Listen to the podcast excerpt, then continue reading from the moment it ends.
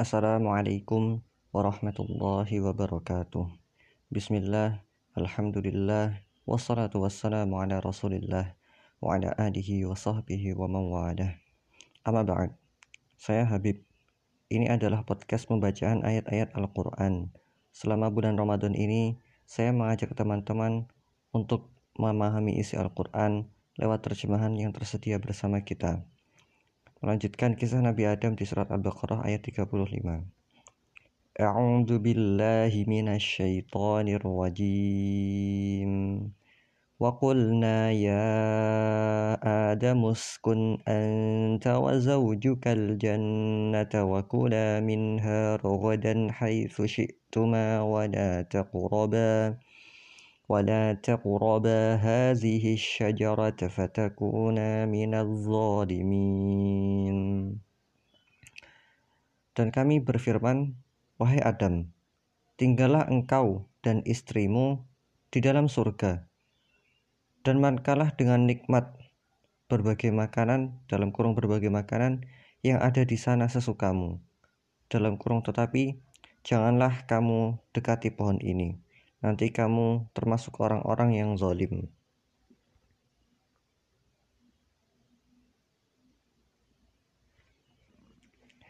Di sini Allah setelah setelah Allah menunjukkan kepada Adam bahwa ada iblis yang dia itu adalah makhluk yang e, bermaksiat kepada Allah.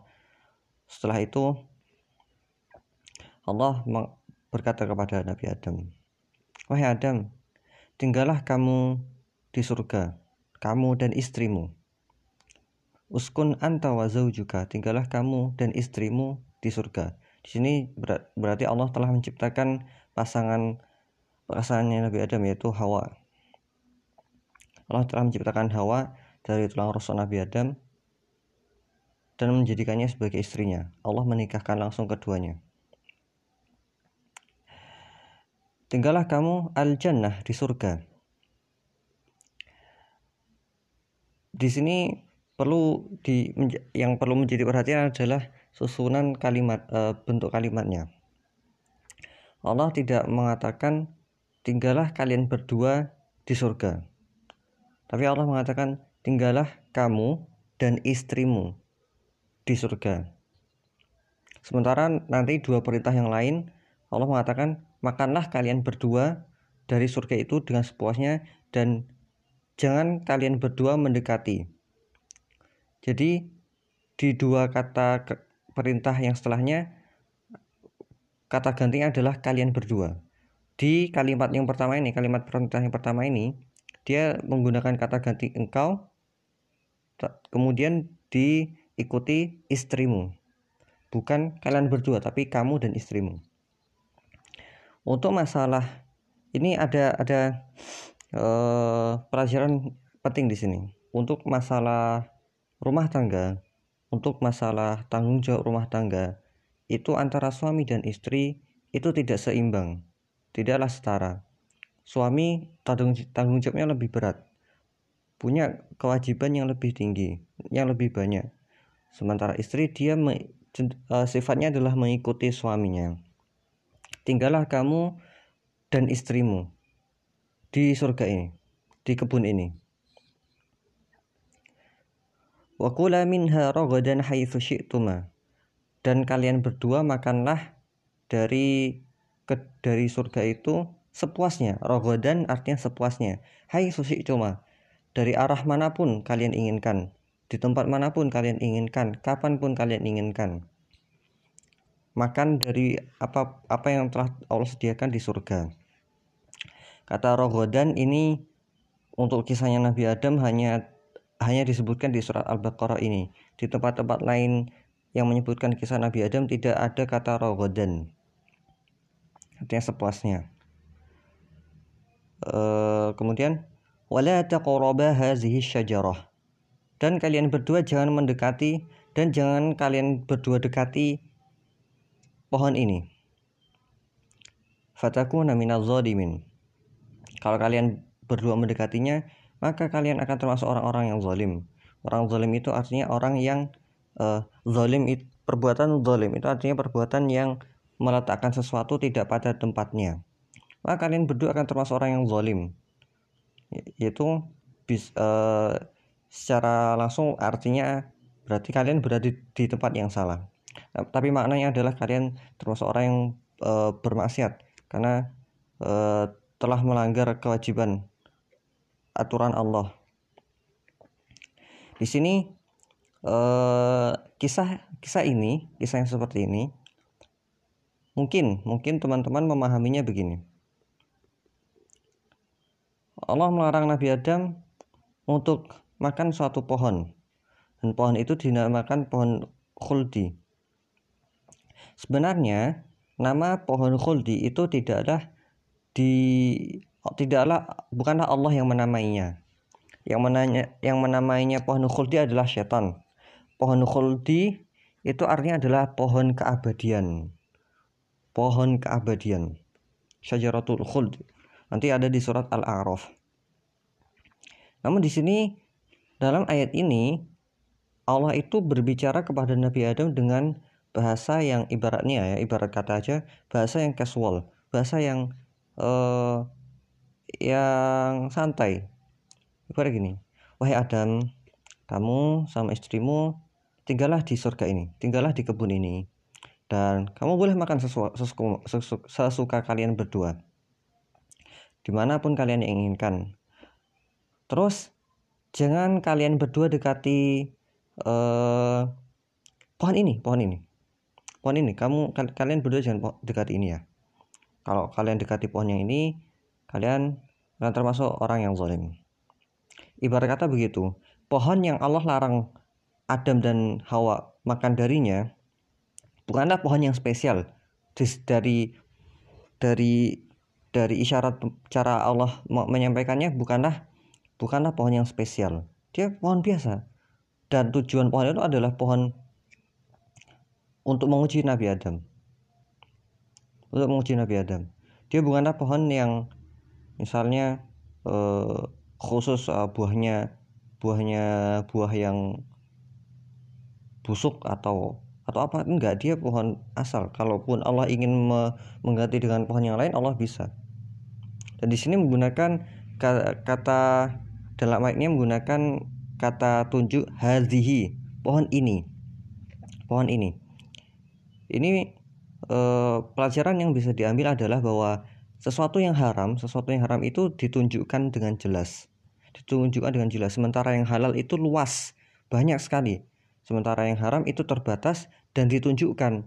Apa gunanya ditunjukkan? Agar seseorang itu bisa menjauhinya. Agar tidak terjatuh pada hal yang haram itu. Tidak terjatuh, tidak memakannya atau tidak mengambilnya. Dia ditunjukkan dengan jelas ciri-cirinya atau bendanya. Misal kita dilarang makan babi. Mungkin ada orang yang bodoh kemudian mengatakan, kalau Allah mengharamkan kita makan babi, kenapa Allah menciptakan babi? ya ini ujian ujian tuh begitu kita ditunjukkan yang haram tuh ini kamu pergi jangan mendekatinya jauhi dia jauhi yang haram itu kalau Allah mengatakan babi itu haram tapi Allah tidak menciptakan babi apa gunanya larangan itu cara berpikirnya itu harusnya begitu dan e, tadi sudah saya singgung bahwa yang haram yang haram itu sedikit terbatas, sementara yang halal itu banyak. Dan di sini Allah me, me, larangan Allah adalah e, ungkapannya adalah dengan cara jangan kamu dekati. Jangan kamu dekati. Allah tidak e, yang yang Allah katakan bukanlah kamu jangan makan dari pohon ini, tapi jangan dekati pohon ini. Memang larangan sebenarnya adalah larangan memakan dari pohon itu.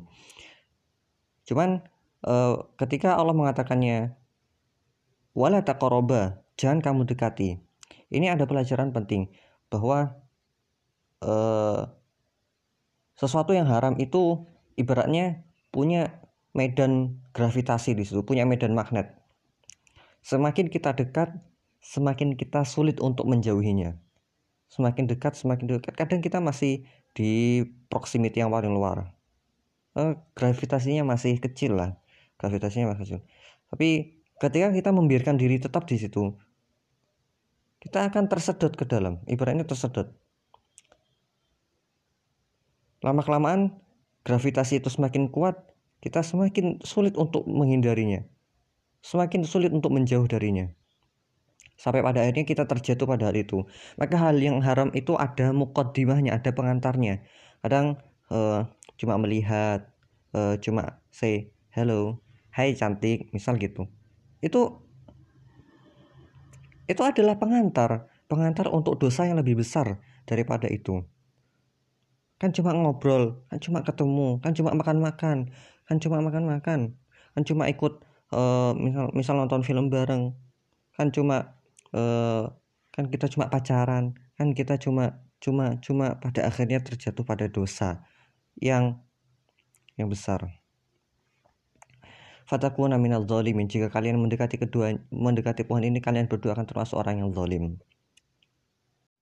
فأزلهما الشيطان عنها فأخرجهما مما كانا فيه وقلنا اهبطوا بعضكم لبعض عدو ولكم في الأرض مستقر ومتاع إلى حين Lalu setan memperdayakan keduanya dari surga, sehingga keduanya dikeluarkan dari dalam kurung segala kenikmatan ketika keduanya di sana dalam kurung surga. Dan kami berfirman, turunlah kamu, sebagian kamu menjadi musuh bagi yang lain, dan bagi kamu ada tempat tinggal dan kesenangan di bumi sampai waktu yang ditentukan. Kemudian setelah Allah tadi uh, membiarkan Nabi Adam tinggal di surga, menikmati kenikmatan surga semaunya, dan Allah memberikan ujian jangan agar tidak mendekati suatu pohon. Kemudian setan menggelincirkan keduanya. Azalla itu artinya menggelincirkan. Akar katanya zai lam lam. Zalal artinya itu tergelincir. Tergelincir itu artinya goncang, tergelincir, jatuh. Sesuatu, uh, sesuatu itu jatuh karena Ibaratnya manusia kakinya itu tidak kuat menopang tubuhnya atau karena kakinya itu bergeser dari tempat yang seharusnya sehingga dia ter, terjatuh karena tergelincir. Riwayat yang lain, riwayat bacaan yang lain adalah fa'azalahuma. Azala. Kalau kata azala itu akar katanya adalah zai uh. Kalau bukan ya zai wawulam. Zawal. Kalau zawal itu artinya uh, hampir mirip tergelincir tapi lebih tepatnya lengser. Kalau lengser itu yang yang bergeser itu adalah bagian kepalanya, bagian yang atas lengser. Seperti waktu zawal, waktu zuhur itu adalah ketika matahari sudah bergeser ke barat, sudah tidak tepat di atas kepala tapi sudah bergeser bergeser ke barat. Azala. Maknanya sama, maknanya bergeser. Maknanya adalah setan berusaha menggoda Nabi Adam agar tidak kokoh pada pendiriannya, yaitu menjauhi maksiat, menjauhi larangan Allah. Setan menggelincirkannya. Uh, saya saya lihat ada video di YouTube uh, pemaparan dari seorang mualaf namanya adalah Dr. Jeffrey Lang. Teman-teman bisa lihat Dr. Jeffrey Lang. Dia cerita ketika dia masih uh, non muslim masih Kristen dia membaca dia berusaha dia mencoba membaca Al-Quran kemudian dia tiba di kisah Nabi Adam kisah eh, pengalaman ke pengalaman dia membaca Nabi kisahnya Nabi Adam ini cukup menarik ya di ketika sampai di ayat ini di, dia membaca eh, terjemahannya bahasa Inggris and the devil slipped them. Slip artinya membuat mereka terpeleset dia kaget. What?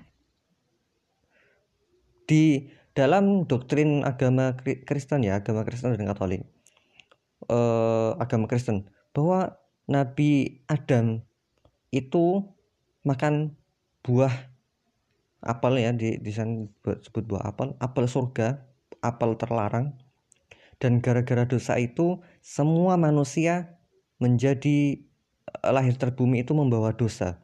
Lahir terbu lahir terlahir ke bumi membawa dosa. Itu adalah dosa yang sangat besar.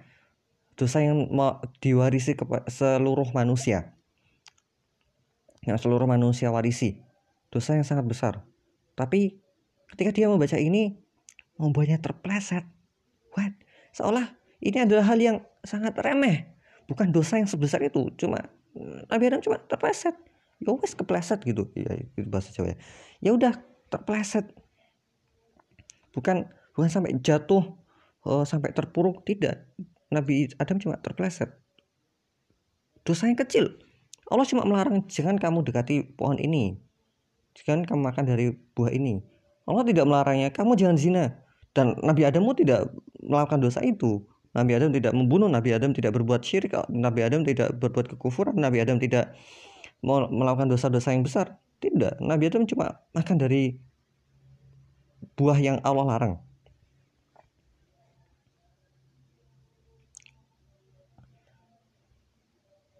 Dan dia ketika dia itu dia uh, kurang percaya dengan terjemahannya, dia coba membawa membawakan Al-Qur'an ini ke temannya yang ngerti bahasa Arab. Dia kenal seorang muslim yang ngerti bahasa Arab.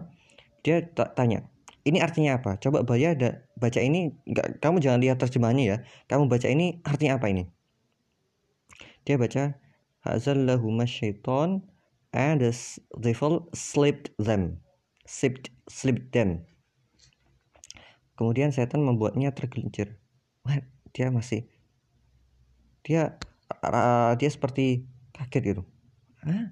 Berbeda sekali apa ya berbeda sekali notasi yang narasi yang di, diberikan Al-Quran dan Islam daripada agama yang selama ini dia yakini. Setan membuatnya tergelincir. Fa'akhrajahuma mim anha yaitu dari pohon itu sehingga Nabi Adam bisa uh, tergoda memakan dari pohon itu. Fa'akhrajahuma mimma kana Kemudian uh, setan mengeluarkan keduanya dari apa yang kenikmatan apa yang pernah keduanya rasakan di sana. Di sini kata akhrajahuma dia artinya secara bahasa adalah dia mengeluarkan keduanya. Nah, yang menjadi pertanyaan sebenarnya di sini adalah dia ini siapa? Dia apakah dia setan, apakah dia Allah. Kalau memahami dia setan artinya setan adalah penyebab yang menyebabkan e, Nabi Adam keluar dari surga. Namun e, alam saya lebih melihatnya dia di sini adalah Allah karena di, di ayat 30 Allah mengatakan aku akan menjadikan di bumi seorang khalifah. Menjadikannya di bumi. Sehingga Allah memang sudah berniat untuk mengeluarkannya. Kalau begitu, kalau begitu, kalau kita menafsirkan bahwa yang uh, yang mengeluarkan Nabi Adam adalah bumi, uh, yang mengeluarkan Nabi Adam adalah Allah ke bumi, maka uh, kisahnya menjadi begini, bahwa Nabi Adam itu dikeluarkan bukanlah sebab Nabi Adam makan dari pohon, bukan. Dan ini saya rasa cukup narasi ini cukup tampak di surat kisah Nabi Adam di surat Toha. Teman-teman bisa lihat nanti ya di surat di akhir surat Toha. Yang selama ini kita pahami adalah bahwa Nabi Adam itu makan kemudian karena ini adalah perbuatan dosa, dosa itu menyebabkan Nabi Adam keluar dari surga. Yang saya pahami uh, juga yang kisah yang di uh, apa cara cara melihat kisah ini yang disebutkan oleh Dr. Jeffrey Lang juga.